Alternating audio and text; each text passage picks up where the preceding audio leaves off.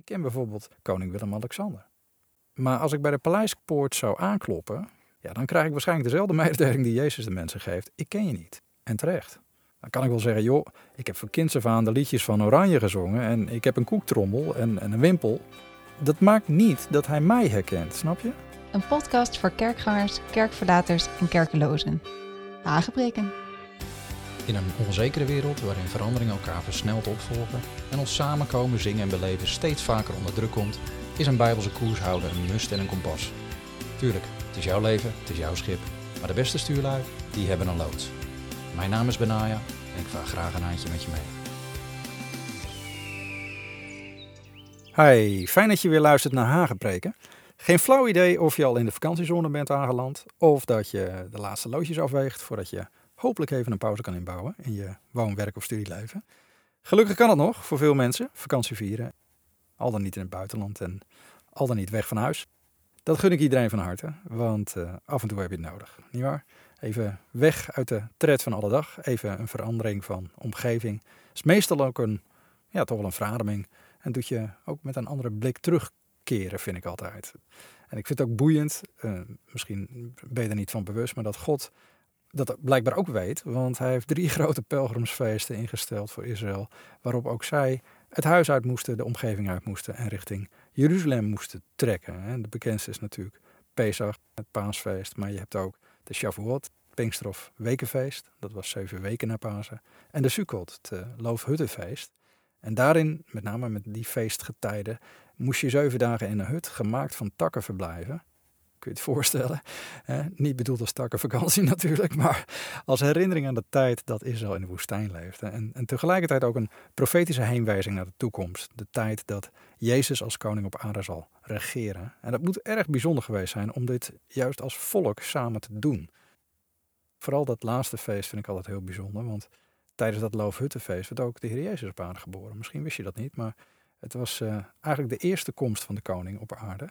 En uh, het was een feest dat bekend stond als het feest van de vreugde van alle naties. Dus met recht, joy to the world. Hè? Of zoals de Engelen zeiden, ik verkondig u grote blijdschap. Zo kennen wij kerst en, en de kerstliedjes. Maar feitelijk was dit dus niet in december. Het was tijdens het Loofhuttenfeest. het is dan ook geen wonder dat de herberg vol zat toen Jozef en Maria te plaatsen kwamen. Want er was meer gaande dan alleen die volkstelling. Jeruzalem werd overspoeld in zo'n tijd met kamperers, hè, pelgrims. En Bethlehem, ja, dat ligt er natuurlijk vlak naast. En dat weet ik nog van mijn tijd in het Midden-Oosten. Ik had er een team zitten. Het is dus niet ondenkbaar dat de Heer Jezus gewoon in zo'n loofhut geboren is. En dus niet per se een stal, zoals het klassieke kerstverhaal ons vertelt. Er zijn geen teksten in de Bijbel die dit ook onderbouwden, anders dan de befaamde kribbe, wat meestal wordt vertaald met voederbak. Ja, en die zou dan in een stal kunnen staan natuurlijk. Maar wat de meeste mensen niet weten is dat tijdens het feest het brood ook werd bewaard in een bak. Een bak voor voedsel. Oftewel, een voederbak of een kribbe. Dat maakt natuurlijk het profetische plaatje wel heel treffend. Zo van Jezus, het brood des levens, wordt geboren in Bethlehem, wat letterlijk huis van brood betekent. En bij zijn geboorte wordt hij in een bak gelegd waar normaliter het brood tijdens het feest werd ingelegd. Nou, ik denk een hele subtiele hint dat zijn lichaam ons tot voedsel dient te zijn, zoals hij ook zegt in Matthäus, uh, wat is dat, Marcus 14 geloof ik. enfin, allemaal mooie details natuurlijk, maar hoe het ook zij, voor het Joodse volk gold, of je het nou aansprak of niet, je was min of meer verplicht een driejaarlijkse campingervaring mee te maken. Nou ja, helaas kunnen wij als gezin door omstandigheden niet meer ouderwets kamperen. Maar uh, zijn ook mooie lookalikes, zeg ik dan altijd. En het scheelt een hoop gesjouw, moet ik wel eerlijk in zijn. Ook naar de zijn voordeel, zullen we maar zeggen. Betekent wel dat ik vanaf volgende week waarschijnlijk even een korte pauze inlas. Om er voor vrouwen en kinderen te zijn in de vakantie. Maar ergens half augustus hoopt uh, ja, uw loods weer helemaal on te zijn. Met een nieuw, uh, nieuw thema. En dan vaar ik graag weer een eindje met je mee. Maar voor het zover is, kijken we dus nog één keer één laagje dieper in het onderwerp van dit seizoen. Leren leven met een gat in je hand. Dat je, net als de Heer Jezus die zijn handen liet doorboren, leeft tot op het punt dat je niet langer zit op zelfbehoud, maar bereid bent om je eigen leven te verliezen. En dat kan al heel laagdrempelig. Hè? Je eigen comfort, genot, tijd enzovoort even parkeren. Of, of misschien zelfs helemaal opofferen. Zodat anderen in jouw omgeving tot leven komen. En het mooiste is natuurlijk ook behouden worden voor het Koninkrijk van God. Maar hoe je zover komt, daar wil ik je dit keer eventjes in meenemen. Want het heeft alles te maken ook met je godsbeeld. Nou, dat heb ik wel eens vaker aangehaald. Ik heb het wel vaker gehad over God als vader. En dat is één bijzonder belangrijk aspect van God. Maar er is meer. Ik realiseer me trouwens wel even dat dit misschien wel een heel confronterend thema is geworden uh, dit seizoen. En wellicht hadden sommigen van jullie wel gedacht dat we het, nou, je gaat het hebben over rentmeesterschap, dan zal het wel over geld gaan. Maar zoals ik al eerder zei in een andere aflevering, ik heb die insteek alles genomen door daar een uh, boek over te schrijven, Leven om te geven, dus uitgegeven door Gideon Boeken. Uh, en in dat boek ben ik uitgebreid ingegaan op deze meer gangbare benadering van rentmeesterschap. Wat ons is toevertrouwd in het natuurlijke aan middelen, bedoel ik dan. En dus ook welke grote rol geld speelt in ons leven. En die rol is groter als wij vaak willen toegeven. En God heeft daar binnen de context van rentmeesterschap wel degelijk iets over te zeggen.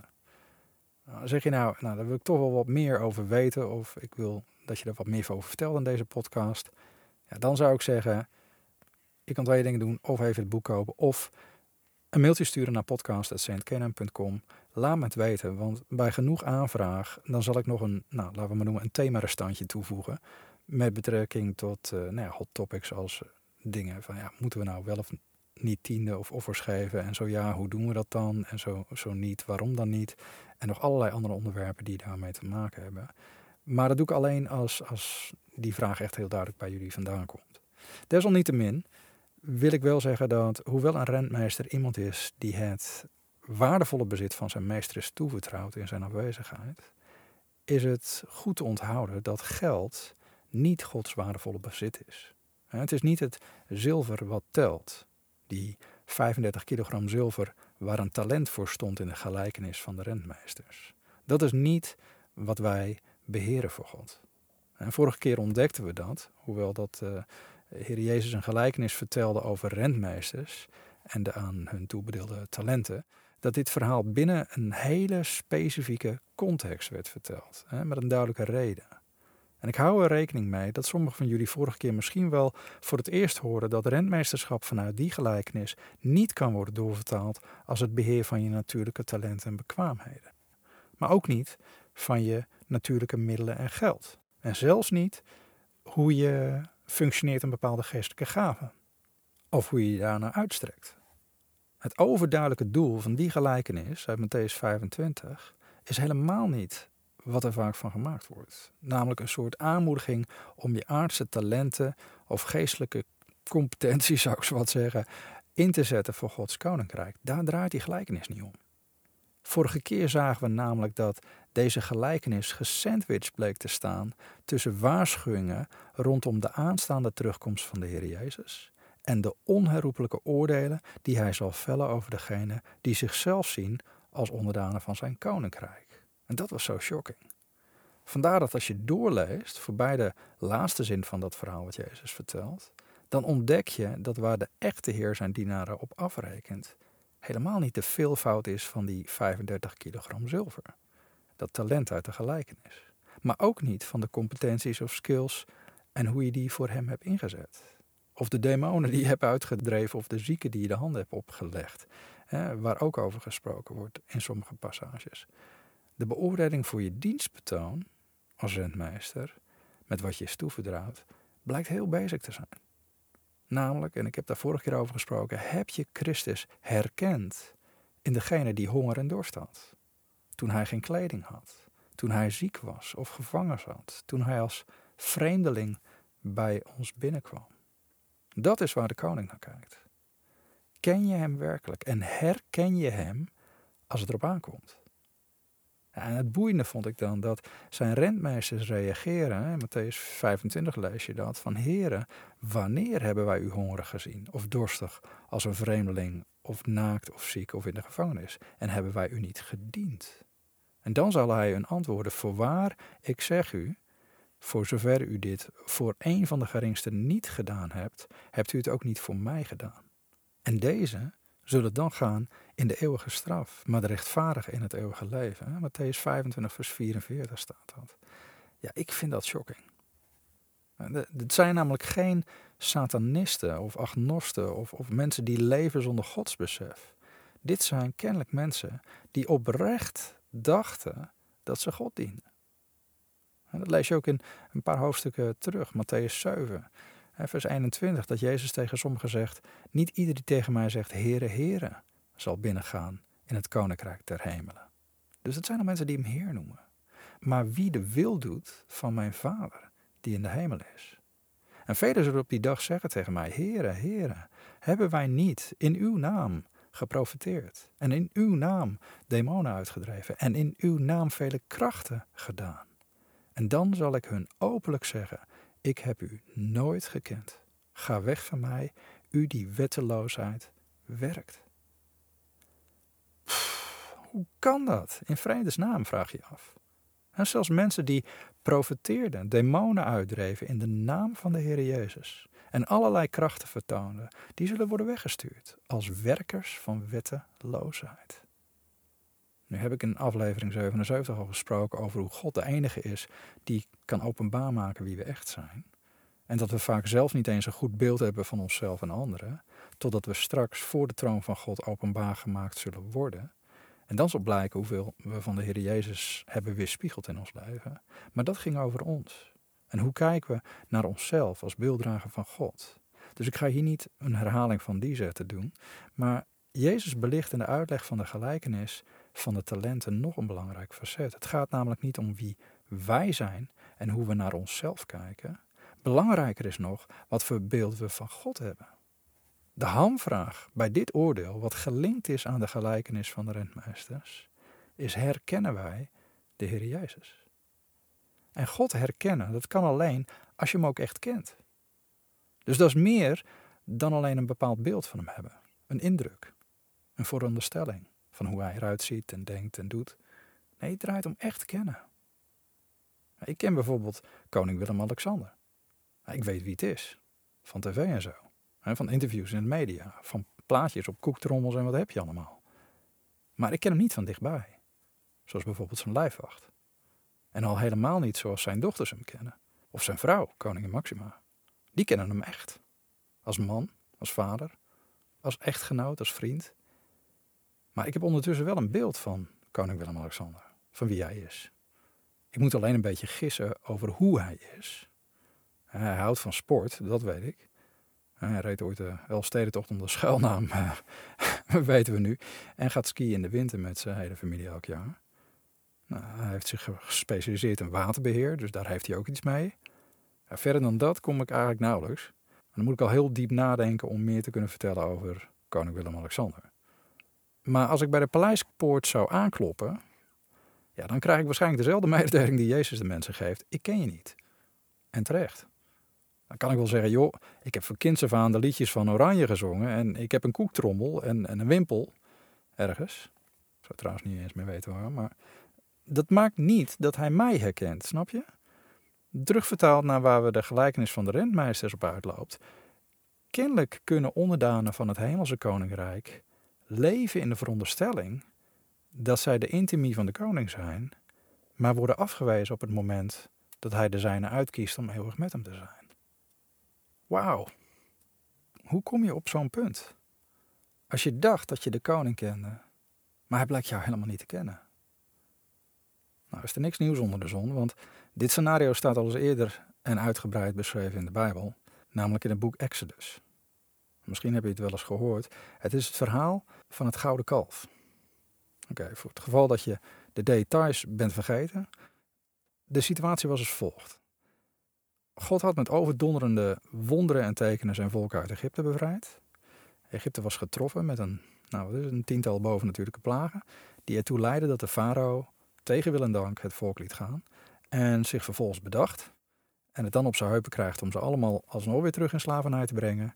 Maar toen stuitte hij op een barrière in de vorm van een enorme verduisterende wolk en een vurige engel van God, die de weg tussen hem en het volk blokkeerde. Padstelling. Op dat moment opent God de zee, zodat zijn volk over een droog pad naar de overkant kon ontsnappen. Waarbij het water, staat er zo mooi, voor hen aan hun linker en hun rechterkant als een muur was. Exodus 14. Dus niet zo'n ondiep plasje zoals sommige documentaires ons graag willen doen geloven. Waarop de legers van de farao de achtervolging ook inzetten. Maar eenmaal aan de andere kant van de Rode Zee bedolf God het leger van de farao onder de golven, omdat ze er alleen maar in geslaagd waren om halverwege de zee te komen. En een grote overwinning is het resultaat. Ja, spectaculair natuurlijk, dit alles. Geen wonder dat de Israëlieten tot op de dag van vandaag tijdens het Pesachfeest deze bevrijding vieren en ook hun kinderen dit in herinnering brengen. En geen wonder dat dit allemaal een paar keer verfilmd is. Hè? In tekenfilm en gewone film, want het script werd door God zelf geschreven. Dus nou ja, dan weet je dat je een kaskraker hebt, toch? Maar dat was deel 1 van een soort, nou laten we zeggen, een soort trilogie die uiteindelijk moest eindigen in het beloofde land. Maar in het tweede deel, daarna, volgt eigenlijk iets heel merkwaardigs. En dat heeft weer te maken met waar het dit keer om draait. Hoe wij naar God kijken en met hem om willen gaan. Want eenmaal bevrijd trekt dit miljoenenvolk verder naar de berg Sinaï. En dat is een berg in Arabië volgens Galaten 4. Inderdaad aan de overkant van de Rode Zee en dus niet wat we in tegenwoordig de Sinaï-woestijn noemen. Beetje teleurstellend als je ooit in Israël dacht de berg Sinaï te hebben beklommen, maar goed, dat is een ander onderwerp. Tegenover deze berg Sinaï slaan ze dan hun kamp op, terwijl God naar beneden komt en feitelijk voet op de berg zet. Met als reden, en dat, dat lees je ook in Exodus 19, dat de mensen God zullen horen praten met Mozes en zij dus ook, zoals God het zegt, voor eeuwig in u geloven. In Mozes. En dat was hard nodig, want het volk Israël was exemplarisch voor de koppigheid en het wantrouwen waarmee ook wij zelf God neigen te volgen. Want we zijn geen haar beter hoor, mensen. We mokken heel wat af en nemen maar weinig klakkeloos aan van iemand. En noem dat maar dan de gevallen menselijke natuur. Maar wat voor veel mensen ontgaat in dit verhaal is dat het Gods voornemen was dat naast Mozes de mensen zelf ook de berg op zouden komen. En natuurlijk geeft hij wel heel wat duidelijke regels wat betreft het benaderen van de berg. Sowieso moest het volk zich heiligen en hun kleding reinigen. En ze moesten het ook niet in hun hoofd halen om op eigen houtje naar boven te klauteren, want dan kwam het er kort samengevat op neer dat bij aanraken van de berg met handen of voeten je gestenigd of doodgeschoten zou worden. En dat maakte dan niet uit of je mens of dier was. Maar desalniettemin zegt God tegen Mozes, en dat lees je in Exodus 19, vers 13, heel bijzonder. Pas als de ramshoorn een langgerekte toon laat horen, mogen zij de berg beklimmen. Ja, en daaraan zie je dus wel degelijk het verlangen van God om zijn volk dicht bij hem te hebben. Maar toch, hè, op het moment suprême zie je dat het anders loopt. Ik lees het even aan je voor vanuit Exodus 19. Het begint in vers 16.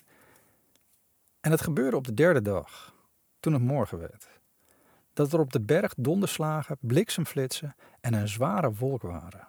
En zeer sterk bazuingeschal, zodat al het volk dat in het kamp was, beefde. Mozes leidde het volk uit het kamp, God tegemoet. Ze stonden onderaan de berg.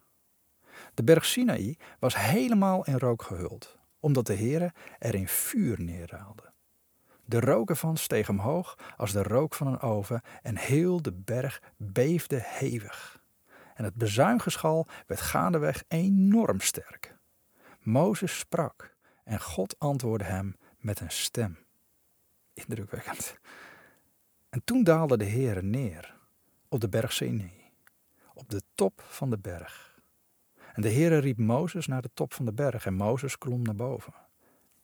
Toen zei de Heer tegen Mozes: Ga naar beneden, waarschuw het volk.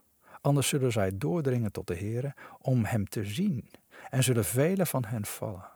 Ook de priesters die tot de Heere naderen, moeten zich heiligen. Anders zal de toorn van de Heere over hen losbarsten. Toen zei Mozes tegen de Heer: Het volk kan de berg Sinai niet beklimmen, want u hebt ons zelf gewaarschuwd. Door te zeggen: Grens de berg af en heilig hem. Maar de Heer zei tegen hem: Ga dal af, en daarna moet u naar boven klimmen, u met Aaron bij u. Maar laat de priesters en het volk niet doordringen om naar de Heer op te klimmen, anders zal zijn toorn over hen losbarsten. Wow. Kan je het al een beetje voorstellen? Moet echt wel heel imponerend en indrukwekkend zijn geweest, dit alles. En maar aan de andere kant, het geeft ook wel een heel dubbel gevoel. Ik bedoel, oké, wat wil God nu? Eerst zegt hij dat ze de berg mogen beklimmen als ze een langgerekte toon van de ramshoorn horen. En dan zegt hij ineens dat ze niet naar boven mogen klimmen, omdat hij anders kwaad wordt. Ja, doet mij een beetje grillig en onvoorspelbaar aan, toch? Maar het is wel goed om te bedenken dat wij het verhaal al lang kennen. Wij lezen de geschiedenis terug van dit volk met al hun gemor en geklaag en rebellie. En het is door het hele Oude Testament te observeren dat ze zo zijn. Maar leeft hij op dat moment, dan was het wel anders. Kennelijk zag God iets gebeuren in het hart van het volk op het moment dat hij neerdaalde op de berg Sinai. En dit voormalige slavenvolk was sowieso al gedrild in het capituleren voor verbaal of fysiek geweld van hun vorige heer, de farao, zijn slavendrijvers. Dat weten we. Dat was een soort standaardreactie. Maar dat betekende niet dat je als slaaf jouw meester eert of respecteert. Als slaaf gehoorzaam je gewoon uit angst voor represailles. Je hart zit er uiteraard niet in. Je, je hebt geen keus dan je te gedragen zoals je wordt bevolen. Maar God is niet uit op goed gedrag. Niet, zeg je misschien? Nou nee. Je kan namelijk uiterlijk je voorbeeldig gedragen, net als de schriftgeleerden uit het Nieuwe Testament, die de Bijbel van voor naar achter, van links naar rechts kenden, en terug. Maar als je hart er niet in zit, dan mis je dat vitale ingrediënt, liefde. En dan ben je als schallend koper. Veel christenen missen dit, maar, en de wereld pakt het zeker niet. Maar daar komt dan ook de gedachte vandaan dat, dat mensen denken, nou ja, God zal me straks wel matsen voor zijn troon. Vanuit de gedachte van, ik ben toch een goed mens. En dat geeft al aan dat je denkt dat de schepper het enkel te doen is om goed gedrag. Vooral als je terugvoert naar dit verhaal, waar God enkele versen later de tien geboden geeft aan Mozes. Want daar staan toch die bekende gij zult niet gedragregels. Nou, niet dus. Het draait God niet om regeltjes kunnen houden. Het draait hem altijd om ons hart. En dat verklaart ook waarom hij David uitkoos, een man naar zijn eigen hart. In 1 Samuel lees je dat. Want dat was niet omdat David zich altijd goed gedroeg. Er zijn genoeg voorbeelden te lezen van waar het gruwelijk misging. Maar hij werd door God uitgekozen omdat het hart van David gericht was op God. In tegenstelling tot Saul, die voor David koning was. Want Saul die was juist gericht op zichzelf, op zelfbehoud. En op wat mensen van hem zouden denken. Hij werd dan ook woest toen hij vernam dat mensen David hoger hadden zitten dan dat ze over hem dachten. Maar dit volk, Israël was net zo, dat had nog een hartsverandering nodig. En ze hadden ook een hele leercurve te maken om daar te komen, dat zag de Heere God. En het verlangen naar intimiteit met God op hartsniveau, dat ontbrak. Dat is iets wat Mozes duidelijk wel had. En dat lezen we ook, want het volk dat bleef op een veilige afstand staan en dat vonden ze eigenlijk wel best. En we lezen in Exodus 20, vanaf vers 18 lezen we... Heel het volk was getuige van de donderslagen, de bliksems, het bezuingeschal en de rokende berg. En toen het volk dit zag, sidderden zij en bleven op een afstand staan. En ze zeiden tegen Mozes: Spreekt u met ons, dan zullen wij luisteren. Maar laat God niet met ons spreken, anders sterven we. En Mozes zei tegen het volk: niet bang zijn, wees niet bevreesd, want God is gekomen om u op de proef te stellen en opdat de vrezen voor Hem u voor ogen staat, opdat u niet zondigt. En het volk bleef op een afstand staan, maar Mozes naderde tot de donkere wolk waar God was. Nou, daar heb je het weer. Zul je zeggen, daar komt hij weer. Met die godsvrezen. Ja, sorry mensen, ik kan er niet omheen. Want ik weet dat ik dat al een aantal keren de revue heb laten passeren in dit, dit seizoen. Maar ook hier zie je weer het belang van godsvrezen.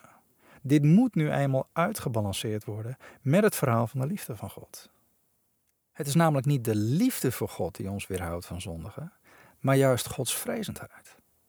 Zoals Spreuken 16 zegt, van door de vrezen des Heren wijkt men van het kwaad. Maar die godsvrezen moet wel hand in hand gaan met een verlangen om het hart van God te leren kennen. Anders blijf je gewoon in een soort van ja, vormgeloof zitten. In gedragsconditionering zou ik zo wat zeggen. En dan, dan lijk je uiterlijk wel een goed mens, maar ben je vatbaar om een leven te leiden waarin je feitelijk God nooit echt leert kennen. En juist dat is zo belangrijk voor rentmeesterschap. Daar begonnen we mee. Sterker nog, het kan zelfs zo zijn dat je denkt dat je hem juist heel goed kent en ervan overtuigd bent dat je hem kan herkennen, terwijl het helemaal niet wederzijds is. Want om het verhaal nog even af te maken, dat is precies wat je ziet zodra Mozes met de woorden van God van de berg komt. Omdat het volk toch snakt naar iets tastbaars en denkt dat Mozes waarschijnlijk dood is. Want ze konden zichzelf niet voorstellen dat je, als je in direct contact komt met die ontzagwekkende God, dat je het overleeft. Dan zeggen ze tegen Aaron, die de leiding in Mozes afwezigheid had, sta op en maak ons goden die voor ons uitgaan. Want die Mozes, de man die ons uit Egypte geleid heeft, wij weten niet wat er met hem is gebeurd. Dat is wat, hè? Die Mozes. Die vent die ons uit Egypte leidde, vrij vertaald. Aaron dan, op zijn beurt, geeft dan instructies om alle gouden ringen van vrouwen, zoon en dochters die ze in hun oren hadden, om, om dat bij hem te brengen, waarna hij ze bewerkt met een graveerstift en maakt daar dan een gegoten gouden kalf van. En dan zegt het volk, dit zijn uw goden, Israël, uw Elohim, die u uit het land Egypte geleid hebben. Toen Aaron dat zag, staat bouwde hij er een altaar voor en Aaron kondigde aan, morgen is er een feest voor de Heer. Het volk vraagt, maakt ons goden. Ja, en die vertaling is correct, want er staat er inderdaad Elohim, God in meervoudsvorm in het Hebreeuws. Het lijkt dus een vraag naar een stelletje afgoden, maar niets is minder waar, want waarschijnlijk hadden ze Mozes en Aaron al eerder naar God horen verwijzen. Want ja, Elohim is een meervoudsvorm van God, maar het wordt eveneens door de hele Bijbel gebruikt als verwijzing naar onze schepper. Nou, misschien je het liedje wel. Heer, u bent El Elohim. Inmiddels weten wij waarom Elohim in meervoudsvorm naar God verwijst en daarmee toch één is. Want het heeft alles te maken met dat God Vader, Zoon en Heilige Geest is en toch één. Maar het volk kende de God niet die hun bevrijdde uit slavernij. En het had ook niet het verlangen om dichterbij te komen bij die God, tenminste niet verder dan onderaan de berg. Aaron daarentegen had wel meer ervaring met God. Het is logisch dus dat ze hun vraag bij hem neerlegden en ook logisch dat het volstond dat hij slechts één beeld maakte en niet meerdere, want hij wist wel beter. Maar wat ronduit schokkend is, is dat Aaron vervolgens aankondigt: morgen is er een feest voor Yahweh. In onze vertaling staat er een feest voor de Heer, maar de Hebreeuwse grondtekst staat toch echt Yahweh. Kun je je voorstellen? Binnen no time gaat een miljoenenvolk los in wild feestgedruis ter ere van niet een of ander Egyptische god, maar als een feestje voor Yahweh. Oftewel, nu denken ze dat ze een juist beeld hebben van wie hij is en hoe ze hem moeten voorstellen, als gouden kalf. En zijn ze zich niet eens bewust van het feit dat zij, om, om, met Paulus maar te spreken, de heerlijkheid van de onvergankelijke God vervangen door een beeld dat lijkt op iets vergankelijks. Op de vergankelijkheid van een mens, vogels of viervoetige en kruipende dieren, zegt Paulus, hè, Romeinen 12 of uh, Romeinen 1. En dat is best beangstigend. Kennelijk kan dat dus. En nogmaals, Israël ging hier dus niet andere goden achterna, zoals veel christenen aannemen. Zij maakten eenvoudigweg een, een eigen voorstelling van God en dachten hem daarin ook nog te aanbidden ook. Ja, dat doet je wel afvragen. Wat doen wij eigenlijk allemaal in onze kerk en gemeente? En wat hebben wij van God gemaakt? Kennelijk kun je iets anders van God maken dan, wat, ja, dan wie hij is. Wat voor beeld staat ons voor ogen? Zijn onze erediensten wel afgestemd op het hart van God, op wie hij werkelijk is? Nou, nou, Benaja, wij boetseren toch geen gouden herkauwers in de kerk en verklaren dat tot onze God, zeg je dan misschien. Maar nee, dat misschien niet. Maar ik kan me niet aan de indruk onttrekken dat de echo van deze verbeelding te horen is in de eerder genoemde conversatie tussen de Heer Jezus en de profeterende, duivel uitwerpende en wonderwerkende dienaren van God. En mensen die hij zegt te zullen mededelen: Ik heb je nooit gekend. Ga weg van mij, jullie werkers van wetteloosheid. Hè, Matthäus 7, vers 23. Ja, zo'n opmerking zou menig christen op scherp moeten zetten. Vooral misschien wel de charismatisch georiënteerde christen die inderdaad profiteert en aan bevrijding doet en zichzelf uitstrekt naar wonderen. Of op zijn minst zou het ons moeten doen realiseren dat niet elke persoon die, populair gezegd, beweegt in de gave van de geest, ook daarmee gerekend kan worden tot de intimie van de Heere God. Mensen met wie hij zijn hart heeft gedeeld en die dat vertolken. Want Jezus noemt ze werkers van wetteloosheid. Dat wil zeggen mensen die in feite nooit de wet, de woorden van God, ter harte hebben genomen. Het volk Israël was kennelijk van hetzelfde genre. Zij maakten zelf niet een beeld, dat deed Aaron. En ze hadden al eerder te kennen gegeven aan Mozes: spreek jij maar met God, dan doen we wat jij zegt, dat hij zegt dat wij moeten doen.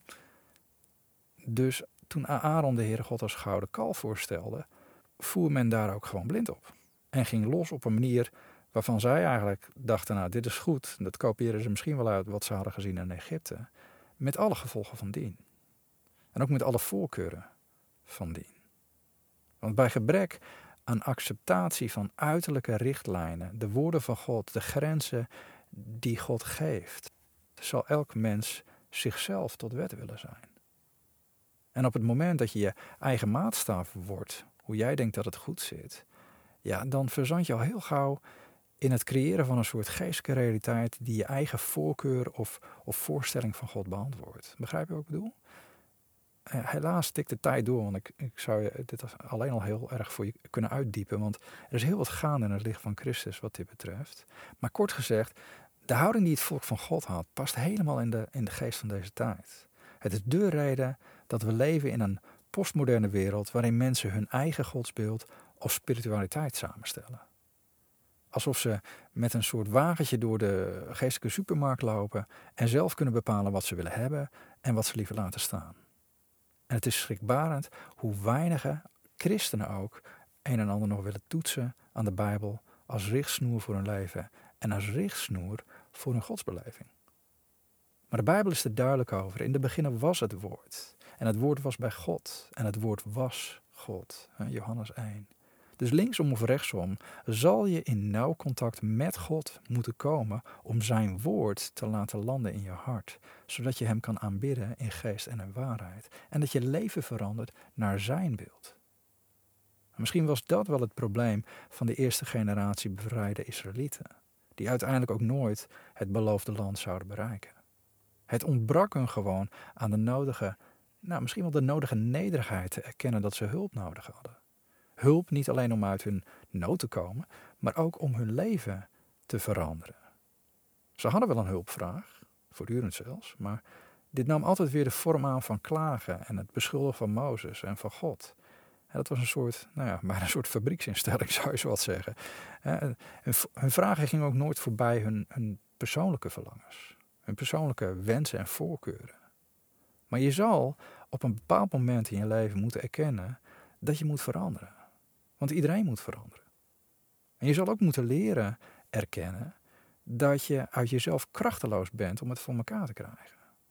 Je bent krachteloos om je eigen problemen op te lossen.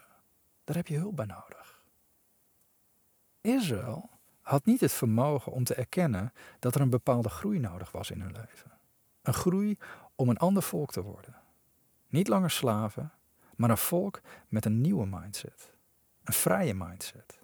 Maar dan wel op zo'n manier dat ze niet zelf voorschreven hoe die vrijheid eruit zou moeten zien. En dit volk kon op de een of andere manier zelfs niet geloven dat verandering mogelijk was. Niet voor hun omstandigheden, hè, waar ze in zaten, maar ook niet wat betreft hun nieuwe identiteit, hun vrije, door God krachtig gemaakte identiteit. Anders had die eerste generatie het beloofde land wel ingenomen. Maar ze bleven zich zien als onderkruipsels, als sprinkhanen. En dus gingen ze beloofde land niet binnen. Maar dat is het logische gevolg van hun onwil om te erkennen dat ze richtlijnen nodig hadden. Van God zelf. Of überhaupt van iemand die hem van buitenaf wou helpen. Want later zie je ook dat profeten naar hen toegestuurd werden en gestenigd werden en gedood. En de Bijbel staat er vol van. Maar hulp accepteren en richtlijnen accepteren, ja, dat vraagt om overgave. En overgave vraagt om kwetsbaarheid. Precies wat een relatie nodig heeft om van oppervlakkig, van horen zeggen, naar intiem te gaan. Het werkelijk kennen van elkaar. Ja, en daar liepen ze van weg. En daar lopen heel veel mensen nog van weg. Dus als er een les te leren is uit deze hele geschiedenis, dan is het wel dat Gods verlangen is dat niet alleen Mozes, maar iedereen hem persoonlijk leert kennen. En dat het leren kennen een zaak is van je hart. Maar ook dat zelfs Gods eigen volk, zijn dienstknechten, kunnen denken dat zij in de naam van Jezus iets goeds bewerken, maar doordat de woorden van God niet in hun hart gegrift staan, toch niet meer zijn als een hoop klinkend koper of schallende cymbalen. Je, je kent het stuk misschien uit, uit Korinthe 13. Hè? Al zou ik de gave van profetie hebben en de geheimen weten en alle kennis bezitten, al zou ik het geloof hebben dat bergen zou verzetten, maar ik had de liefde niet, was ik niks. Gods rentmeesters worden gekenmerkt door liefde. Zelf opofferende agape-liefde. Maar liefde is nooit een solo-activiteit. Liefde vereist contact. Contact, openheid, nederigheid, overgave, kwetsbaarheid. En dan verander je. Van aangezicht tot aangezicht. Nou, de tijd staat me niet toe om het nog verder uit te diepen, maar je hebt genoeg om op te kouwen, denk ik. Nou, het enige wat ik kan zeggen is, er is iets bijzonders aan de intimiteit met God en de opbouw van die intimiteit met God. Als je relatie met Hem gekenmerkt wordt door zo'n merkwaardige combi van godsvrees en verlangen, zodat Hij gaandeweg je vriend kan worden. Een merkwaardige vriendschap, een, een bijzondere vriendschap, waarin Hij dingen met je kan delen die Hij ja, ook niet zomaar met Jan en Anneman deelt. Maar dat kan. Ja, zoals Psalm 25, vers 14 zo mooi zegt: Vertrouwelijk gaat de Heer om met wie hem vrezen, en zijn verbond maakt hij hem bekend. Abraham was zo iemand. En Mozes was zo iemand. En jij kan ook zo iemand zijn. En ik hoop dat ik je in dit seizoen ergens genoeg geïnspireerd heb om te besluiten, zoals Paulus zegt in Romeinen 12, om jezelf aan God toe te wijden. Als een heilig, levend offer voor God, wat hem wel behagelijk is, zoals zo mooi staat. En om niet langer zoals de wereld door het leven te wandelen, maar Gods woorden tot je te nemen, zodat je hele denken veranderd wordt. En daardoor je leert herkennen, sneller leert herkennen, wat Gods wil is voor je leven.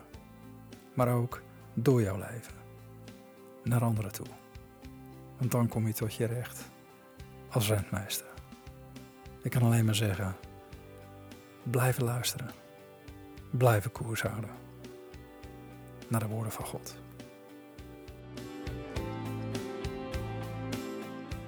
Heb je vragen, aanvullingen of opmerkingen? Stuur dan gewoon even een mailtje naar podcast.saintkenijn.com. En ben je versterkt of bemoedigd dit seizoen? Ik zou zeggen, zeg het voort. Dat helpt het bereik van deze podcast te vergroten en andere mensen ook te bemoedigen en te versterken. En ben je al een sponsor van HG Prijken? Hartelijk bedankt. Ben je het niet? Overweeg het dus. Je kunt zien hoe je dat doet via de website maar sowieso iedereen die luistert en meebidt voor de impact van deze podcast. Ik weet dat ik het vaker heb gezegd, maar ik blijf het zeggen. Echt heel hartelijk bedankt, want jullie maken het samen met mij mogelijk. Om ook gewoon door de week, op tijd die jou schikt, eventjes iets verder te gaan naar het Bijbelpierenbadje en uh, de diepte in te gaan met het woord van God. Ik doe het graag, ik doe het met passie, maar uh, ja, ik kan het niet zonder jullie. Dankjewel.